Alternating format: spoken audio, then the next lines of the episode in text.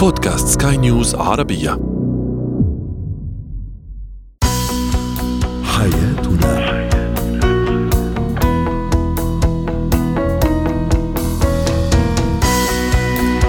مستمعينا الكرام أهلا بكم. معنا إلى برنامج حياتنا برنامجكم اليومي الذي يعنى بشؤون الأسرة وباقي الشؤون الحياتية الأخرى الذي يمكنكم الاستماع اليه عبر منصة Sky News Arabia dot com slash podcast وباقي منصات سكاي نيوز عربية.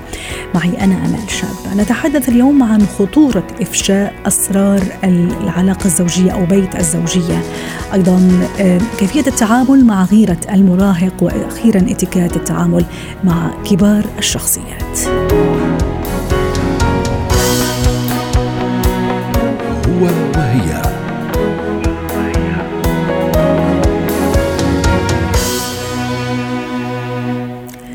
الأسرار الزوجية أمانة وإفشاؤها خي خيانة للحياة الزوجية وللطرف الآخر أو لشريك الحياة. نتحدث اليوم عن خطورة إفشاء أسرار البيت أو بيت الزوجية. للحديث عن هذا الموضوع تنضم إلينا عبر الهاتف من بيروت الخبيرة التربوية والنفسية ميسون حمزة يسعد أوقاتك أستاذة ميسون أحيانا قد أفشي سر البيت وأنا آه، لست أدري أو لست مدركة بخطورة هذا الفعل باعتقاد مني بأنه مجرد خبر أو مجرد شيء أنا أعطيه لأقرب الناس لإلي ممكن أخت ممكن صديقة وما إلى ذلك في حين أنه أنا آه، يعني آه، هذه أولى خطوات تدمير بيت الزوجية أليس كذلك؟ نعم إن خطورة هذا الأمر تتعلق بمسألة هامة جدا آه، وهي تتعلق أيضا بموروثات تتعلق بالقيم في مجتمعاتنا العربية وهي أن البيوت لها حرمات. ماذا نقصد بذلك وماذا نقصد بالحرمة المنزلية أي خصوصية المنزل وما يجري داخل هذا المنزل وبين افراد الأسرة الواحدة. آه، تكمن الخطورة بأن الحدث الذي أفشيه أو أتكلم عنه هو أمر لا يتعلق بي أنا شخصيا وإنما يتعلق بي وبطرف آخر موجود داخل هذه الأسرة. وهنا قد تختلف الآراء وتتشعب بين الناس حول هنالك بعض الأمور بالإمكان الافصاح عنها للأهل. يعني الزوجة أو الزوج يقول هنالك بعض الأمور يمكنني أن أخبرها لأهلي أو عائلتي الأصلية. كوني أريد الاستشارة. وهنالك بعض الأمور الصغيرة أو الدقيقة التي تتعلق بالحياة الحميمة الحميمية أو الحياة التي تتعلق بدرجة الإنفاق أو غيرها من الأسر. نحن الخبراء في التربية وفي العلاقة وعلى المستوى النفسي نقول أن أي شيء يجري داخل المنزل هو أمر خاص بأفراد هذه الأسرة وساكني هذا المنزل ولا يعني أي آه، شخص آخر سواه. وإذا كنا آه، غيرهم. وإذا كنا نريد أن نتكلم عن أي شيء يعني هذه الأسرة خارج المنزل يجب أن يكون بالاتفاق بين الزوج والزوجة. مثلا إذا أردت أن أستشير أهلي بأمر جلل يتعلق بما يهدد حياتي الزوجية على زوجي وإن كان الخلاف معه أن يكون على علم واطلاع بأني سأخبر أهلي هذا الأمر لأن الحدث الذي جرى هو لا يعنيني أنا على مستواي الشخصي. يعني هو ليس أمر يتعلق بي في وظيفتي أو في مهنتي بي وبصديقتي آه، آه، حدث بيننا إشكال وإنما هو أمر يتعلق بي وبزوجي أو بي وبأولادي. لذلك أنا عندما قررت أن أدخل في شراكة مع هذا الزوج منذ الزواج نحن أقمنا نوع من العهد والاتفاق على أن نكون سويا على السراء والضراء وعلى أن نكون سويا مؤتمنين ليس فقط على حياتنا مع بعضنا البعض. لأنه في الحياة الزوجية هنالك ائتمان على الأرواح يعني أمانة على الروح وإنما أيضا أن نكون أيضا مؤتمنين على ما يجري بيننا كشركاء وعلى ما يجري بيننا كشركاء أستاذة ميسون مش فقط في المشاكل أو الخلافات أتصور حتى في الأشياء الأخرى الإيجابية. أن أنا راح أروح لنقطة. أخرى ما أعرف إذا تشاركيني فيها الرأي وأيضا نشارك السادة المستمعين. موضوع مثلا الآن صارت ال social media وسائل التواصل الاجتماعي كل شيء مباح. أسرار نعم. بيوتنا موجودة هدايانا طبعا. وطلعاتنا ونزهتنا وفسحنا و... فهذا أيضا أتصور وكأني أنا فتحت باب البيت وقلت تفضلوا. معكم أسراري طبعاً. أليس كذلك؟ نحن من وجهة نظر نفسية ودائما ما نشدد على هذا الأمر آه، كيفية التعاطي مع السوشيال ميديا تحديدا هل نعرض الخصوصيات ولنعد بالذاكره إلى فترات لا لم يكن موجود فيها ال social media. هل كنا فعلا نطلع الناس على ما يجري في حياتنا اليومية؟ أكيد لا. يعني إذا طبخت اليوم طبخة وأنا أعطي هنا مثال بسيط أو إذا اشتريت لابنتي فستان هل كنت أخبر الدنيا كلها أنني دعوت إلى مائدتي أناس وطبخت هذا وهذا وهذا؟ هل كنت أخبر الناس أنني آه، اشتريت لابنتي فستان وأعرضه وأعرضه عبر الشرفه أو النافذه أو تلقيت هدية من من الزوج بمناسبة عيد نعم. الميلاد وأنا سعيدة جدا بهذا نعم. الهدية وما إلى ذلك نعم هل صحيح. كنت أشرك الناس آه، عزيزتي عندما تختفي الخصوصية يذهب معها بريق السعادة وهذا ما أصبحنا نفتقده منذ عشر سنوات حتى اليوم. بريق السعادة أصبحنا وكأن باب بيتنا مشرع. هل هكذا يجب أن تكون البيوت والمنازل والعلاقات؟ آه، آه، حتى في حالات الفرح حتى في حالات الحزن حتى في حالات اجتماعي. هل يكفيني أن أتلقى تعزية عبر ال social media؟ هل يكفيني أن أتلقى مباركة عبر ال social media؟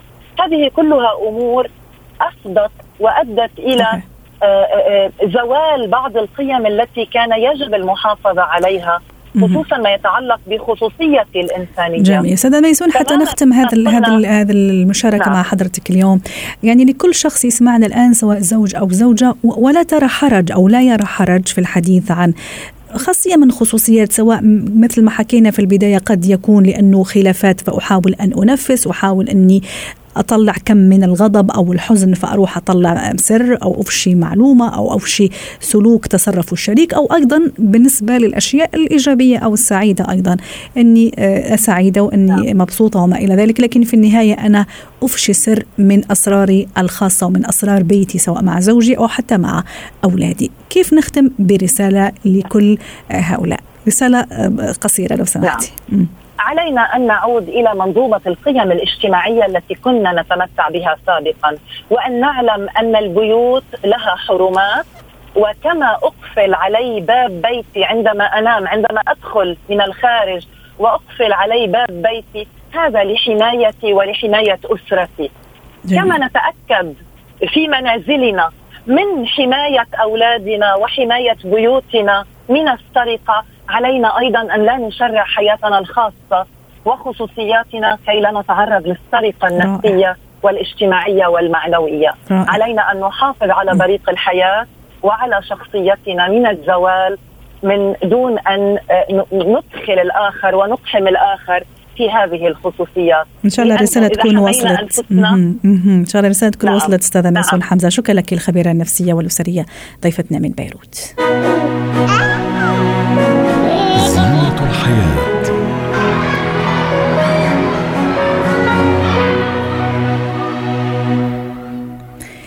نتحدث اليوم آه، عن غيرة المراهق وكيف أتعامل معها. للحديث عن هذا الموضوع تنضم إلينا عبر الهاتف فادية دعاس الخبيرة التربوية. مساء الخير أستاذة فادية أكيد الطفل المراهق آه، يمر ب آه، أو المراهق مش الطفل المراهق يمر بمراحل وتغييرات كبيرة قد تنعكس بشكل أو بآخر على سلوكياته وعلى نفسيته أيضا. نتحدث اليوم عن الغيرة عند المراهق. ما هي أبرز ملامحها؟ مظاهر الغيرة أو كما ذكرتي المراهق حاليا في اكتشاف من أنا وذاتي وإثبات الذات. وأي شيء يخص الأنا عنده بيكون آه، حساس جدا.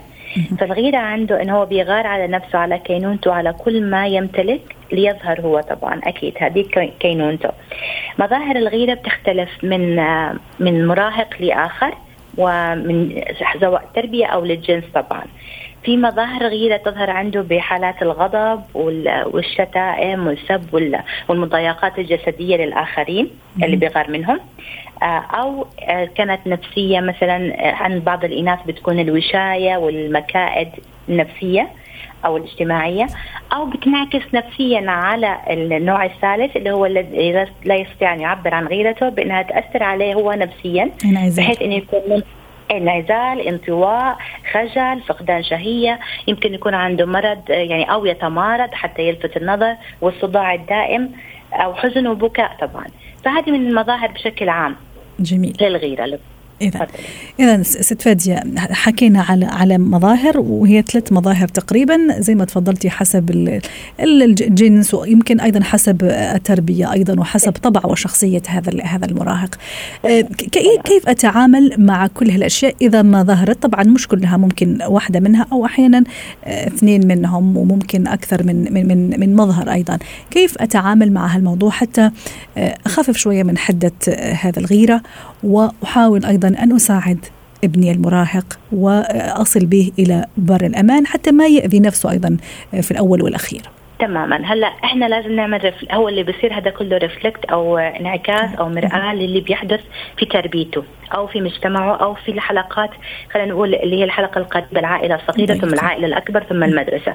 ما يحدث حواليه وما يؤثر فيه وفي تربيته هو هذا انعكاس له تقريبا. حتى أساعده لازم أنا أبدأ بنفسي أنا كولية أمر أو كوالد أو كأم بعرف إنه أنا لا أميز ولا أثير هذه الغيرة عنده. حتى أساعده على أنه يقدر ذاته تقديرا صحيحا آه، بأنه ما يغار مثلا من أخ أو أنه أنا ما أمدح حد قدامه بزيادة بحيث أنه آه، يحس هو بالنقص أنه أنا بمدح بشيء هو لا يمتلكه. جميل. أحيانا أيضا في أولياء أمور يشتكون من غيرة المراهق منهم. هل هذا صحيح؟ مثلا الام تقول لك أنا مثلا بنتي المراهقة تغار مني أو ابني غار مني. هل أيوة هذا الشعور صحيح؟ هذا الشعور صحيح والشعور صحيح كمان عند الأم. يعني هي ممكن تكون الأم هي التي تغار فعليا. لا خلينا نحكي اليوم عن المراهق ما دام حديثنا عن المراهقه أيوة. هل فعلا هذا يحدث يقع هذا الشعور؟ نعم. نعم. أنا أريد أن أثبت من أنا وشخصيتي وكينونتي والأنا والذات عندي. أنا أريد أن أثبت لك أني متساوي معك في كل شيء. ولا يجب أن أخذها واثبت شخصيتي. وهذه مرحلة المراهقة فعليا. هو محتار ومحير نفسه زي ما بقول محير اللي حواليه. من أنا؟ جميل. اذا اتفقنا أستاذة فادية أنه يعني نحاول انه نخفف قدر الإمكان من مدح ممكن الآخرين آه، بسبب أو من غير أيوة. سبب آه، أمام هذا المراهق. طيب خطوة أخرى أو نصيحة أخرى؟ أكيد. نبعد عن القسوة والعقاب بأشكاله أمام الآخرين. يعني ما فيك تدمي في شيء أو تقسي عليه أو حتى تعاقبي بينك وبينه أو أمام الآخرين ما تقللي من قيمته. مم. حتى لو عمل شيء أنت تحتسبي إنه هذا لازم يتناقش فيه تحكي معه بيكون بينك وبينه. ما في داعي إنه يكون أمام الآخرين. وبعدين في بعض الأحيان إنك ما تسمحي له إنه يبدي رأيه بينما تسمحي للآخرين إنك تسمع منهم. برضه هذا شيء يؤثر فيه وبيحسسه بالغيرة. إنه أنت ما بتعطيني مساحة أعبر فيها عن رأيي. بحس بالنقص هو بعد كده. فلازم مفروض فعليا انه يكون في تقدير له وتسمحي له يعبر عن يعبر عن رأيه. والقسوه والعقاب زي ما قلنا إنها تكون بعيدة. جميل. كذلك في المدرسة في المدرسة في المدارس إنه آه، إذا إحنا بنحكي هلأ عن أسرة لكن انتقلنا كمان أيضا للمدارس وبنسمع فيها عن التنمر اللي هو اسمه الاستقواء أصلا مش تنمر. هذا كله بيكون ناتج عن غيرة بعض الطلبة من تميز الآخرين. حتى هم بياخذوها إنه لا شكل مختلف لا هو في في تميز عنده فعشان هيك في غيرة منه. جميل. جميل. فالمعلم أصلا أو الإدارة أو المدرسة لازم تكون على وعي تام بالتصرف. التصرف الصحيح مع الجميع على إنهم سواسية. وفعلا من أجل هذا أستاذة فدي حتى نختم أيضا فقرتنا اليوم بهذه الفكرة من الضروري. بمكان يعني السماح للطفل أو المراهق عفوا أو اشراكه أيضا في إقامة علاقات اجتماعية مع الآخرين مع اصدقائه مع اصحابه مشاركات في نشاطات مختلفة. هذه هذه بعد إذنك المسج اللي أنا حابة أوصلها للمراهقين والأهل. فعليا أنت تشترك بنشاط رياضي تخفف هذا التوتر حتى حتى تساعد نفسك كمراهق وكولي أمر يسهل له هذا الأمر. والعمل التطوعي الجماعي الاجتماعي. قد ما أنا بشتغل وبعطي غيري بحس بقيمة العطاء أكثر من إنه أنا بس آخذ وغ... وأنا والغيره والغيرة لما أملك. في غيرة حميدة وفي غيرة طبعا مذمومة كمان علم. في غيرة على وغيرة من.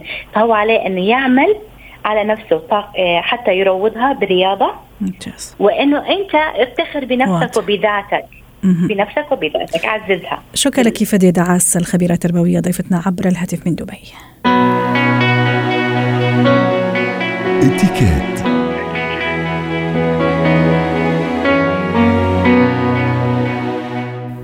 في فقرة إتيكيت نتحدث اليوم عن إتيكيت وبروتوكول التعامل مع كبار الشخصيات للحديث عن هذا الموضوع. تنضم إلينا عبر الهاتف سارية الخير. يسعد مساك يا ست سارية. كيف أتعامل أو ما هو بروتوكول وإتيكيت التعامل مع كبار الشخصيات؟ ودعينا نبدأ في البداية مثلا بالتخاطب مع الألقاب الرتب المختلفة للشخصيات الهامة.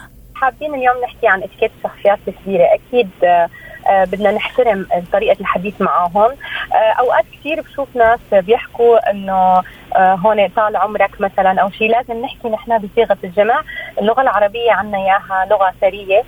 ولكن بنفس الوقت لما نكون نحن في مرتبة أو في احترام بنقول بالجمع بصيغة الجمع فهي أهم شيء بالألقاب لما نحن بنحكي مع شخصيات كبيرة نحكي بصيغة الجمع نوع من الاحترام ونوع من اعطائهم حقهم في الحديث. في شغلة كمان آه، بحب أحكيها إنه نحن لما بنحكي عن كبار الشخصيات فينا نحكي حسب مثل ما بيقولوا ال title أو ال position يعني في كبار الشخصيات من الناحية اللقب اللي هو معطى له ابا عن جد أو آه، من ناحية إنه هو بيكون من كبار الشخصيات بالعمل. مثلا أصحاب الشركات الكبيرة جدا أصحاب الشغلات الأعمال أو وزير أو سفير. أو سفراء أو شيء. السفير بينقال له سعادة سعادة. السفير. آه على فكرة هون بدي نوه على شغله كوننا نحن في بدبي وفي أبو ظبي آه في أوقات بيكون آه في خلط بين آه سعادة السفير وبيقولوا سعادة القنصل. مثلا من الرتب اللي المفروض نحكي فيها القنصل هو السيد القنصل وليس سعادة القنصل لأنه السفير فقط هو ممثل الدولة في هون آه في آه أبو ظبي. أما القنصل فهو آه، مندوب من وزارة الخارجية فبنقول فقط السيد. فبس هيك صدفة حكينا فيها بس لأنه أنا بلاقيها كثير بيخطئوا فيها بدبي. طيب. أيضا سارية بالنسبة الآن تحدثنا عن ألقاب ورتب. بالنسبة لي أيضا التخاطب والتعامل نعم. مع كبار الشخصيات. فلنفرض مثلا في لقاء رسمي في خلينا نقول حفل استقبال وما إلى ذلك. كيف أنا إذا لقيت نفسي وجه لوجه أمام شخصية من كبار الشخصيات؟ طبعا أول شيء إنه لازم إذا نحن بمجال كبير أو في ناس كثير حوالينا نعطي دور لنا ولغيرنا. ونعرف إنه آه الشخص أو الكبير اللي نحن معه آه ليس ملك لنا. آه هو ملك للجميع عنده مجال يجاوب على أسئلة أو عنده شيء. هلا نحن هون آه بوضع مثل الوضع الصحي اللي نحن فيه حاليا بنصح إنه أو بتمنى على الجميع مع كبار الشخصيات لأنه نحن أكيد بنخاف عليهم آه، ما نقترب كثير ما نحاول ناخذ سيلفي في كثير ناس بيحاولوا ياخذوا سيلفي ما حلوة ممكن نحن نستأذنه بصورة من بعيد أو نحاول قدر الإمكان نحفظ آه، المسافة الآمنة بيناتنا. أيضا ما نفرض عليه التعريف. يعني هو شخص كبير موجود. مو شرط أنا أجي أعرف عن نفسي أو حتى اعطيه ال business card تبعي أو كثير هي شغلة مهمة أطلب منه. آه الطلب هدية عطيه هي الشغلة بتكون آه من الشخص آه الكبير وليس أو الشخصيات الكبيره وليس آه بطلب منا ما بنحب نحرج حدا بنحط دائما نخ يعني بنحط خطوط حمراء وبنحترم الشخص اللي قدامنا ما بنتجاوزه. يعني قد يكون هو down to earth مثل ما بيقولوا. كثير شخص متواضع وبيضحك وبيحكي ومبين كأنه شخص من العالم. بس لازم الإنسان دائما يحافظ على المسافة الآمنة بيناتهم والمسافة حتى بالألقاب وبالاحترام. يعني حتى في شغلة لازم نعرفها. نحن هون كعرب وكبدو دائما الكبير له حفظه وله دوره. ولكن بالبروتوكول إذا بدنا نقول السياسي أو مع كبار الشخصيات دائما يتفوق صاحب اللقب على الجنس وعلى العمر. فحتى لو كان شخص كبير بالعمر حتى لو شيء ما بيفرض عليه لكبير الشخصية أو لكبار الشخصيات أي نوع من آه، آه، أنواع الحديث أو التعارف أو أي شيء آه، مثلا يعني إذا حبينا نحكي مثلا برنس ويليام قد ما كان شخص كبير قدامه أو سيدة ما بينحني لها ما بيحكي معها ما بيقرب عليها إذا هو ما أراد يعني هي ما بتقرب أو هو ما بيقرب إلا إذا سمح له. فمن هون نحن بنقدر نقيس حوالينا لما بيكونوا كبار شخصيات ما بنفرض عليهم شيء هن ما بدهم جميل. على ذكر هذه انت تفضلي. فيك كمان شغلة لازم أنا آه، ركز عليها لما بيحكي الشخص مع أي حدا من كبار الشخصيات لازم يكون الصوت واضح وعالي كفاية. لا عالي كثير ولا واطي لأنه ما بدنا نحط للشخص اللي معانا أو لكبار الشخصيات بدنا نحطهم بطريقة محرجة. انه عفوا آه، شو قلت؟ أو يعيدك الحديث. أو حتى يجاوبك جواب لأنه هن كل كلمة عليهم محسوبة. تكون مسجلة أو فيديو أو كاميرا. أو بتعرفوا كمان نحن دائما حاملين معنا موبايلاتنا. فممكن هو يكون جاوب جواب غير عن الشيء اللي سألته لأنه مو سمعان منيح فنحن هذا كمان نوع من الاحترام. مثل لما حتى أمهاتنا أو أبهاتنا بيكونوا حوالينا بنعلي صوتنا بشكل كفاية وكلام واضح عشان ما نحطهم باحراج بنقيسها بهالطريق إنه هو لازم يجاوبنا جواب حلو وواضح ولما يتسجل يكون ما سببنا له إحراج. جميل رائع. أيضا آه، سارية تحدثتي عن موضوع للقاء مثلا المصافحه آه، يعني إذا مد هو إيده أو أنا مديت إيدي مثلا من المبادر، الوقت أيضا أنه ما أطول كثير لأنه زي ما تفضلتي في ناس كثير كمان عم تستنى ممكن حتى تسلم عليه أو تحكي معه أو تبادر معه يعني يحكوا في في, في كلام معين صح ولا لا؟ صحيح. ابدا ما بنمد إيدنا إذا الشخصيات الكبيرة ما مدت إيدها. مثل بالإتيكيت دائما المرأة لها حق إنه هي اللي تبلش دائما الأكبر هو اللي ببادر. هون نحن بدنا نعطي كبار الشخصيات الأهمية القصوى. إذا هو ما مد إيده إذا هو ما قرب ما بنقرب. دائما نحن بناخذ الأوامر منهم بطريقة حتى لأنه في لغة جسد كمان نحن عم نتعامل معها. فبلغة جسده إذا مد إيده طبعا ابدا ما بكسفه دغري. وإذا آه، اقترب فنقترب. وإذا ابتعد نبتعد. نحافظ دائما على هن شو بيعطونا إشارات. وإذا انهى الحديث معناتها الحديث انتهى صح؟ أكيد. أكيد. ما تحاول ابدا نضيف أي شيء لأنه هو كمان آه، أو كبار الشخصيات الله يعطيهم العافية بيكون عندهم آه، أشياء ثانية يهتموا فيها. غير الأشياء. لأنه أحيانا ممكن يكون حتى نحن لقاء آه، يعني مو بس صحفي أو لقاء. رسمي. ممكن نحن نشوفهم بالأماكن العامة. يعني ما شاء الله عليهم. دائما كبار الشخصيات هون بدبي بالإمارات بتلاقيهم دائما حوالينا دائما معنا فهن إذا ابتسموا لنا وقالوا لنا شكرا أو أهلا وسهلا هذا لا يعني إنه نحن نستم يعني يعني نمتد بالحديث نقتحم الدائرة الضيقة تبعهم. وفي شغلة مهمة كمان ممنوع منعا باتا إنه نطلب أي رقم تليفون منهم لا الرقم الشخصي لا الرقم مساعد لا رقم شيء. آه يعني دائما ناخذ حذرنا إنه هي الدقيقة ما نستغلها بطريقة بشعة نستغلها بكلمة حلوة بدعاء حلو آه أو حتى إذا بصورة حلوة. شكرا لك ساريه الخير خبيرة الاتيكيت. كنت معنا عبر الهاتف. حياتنا.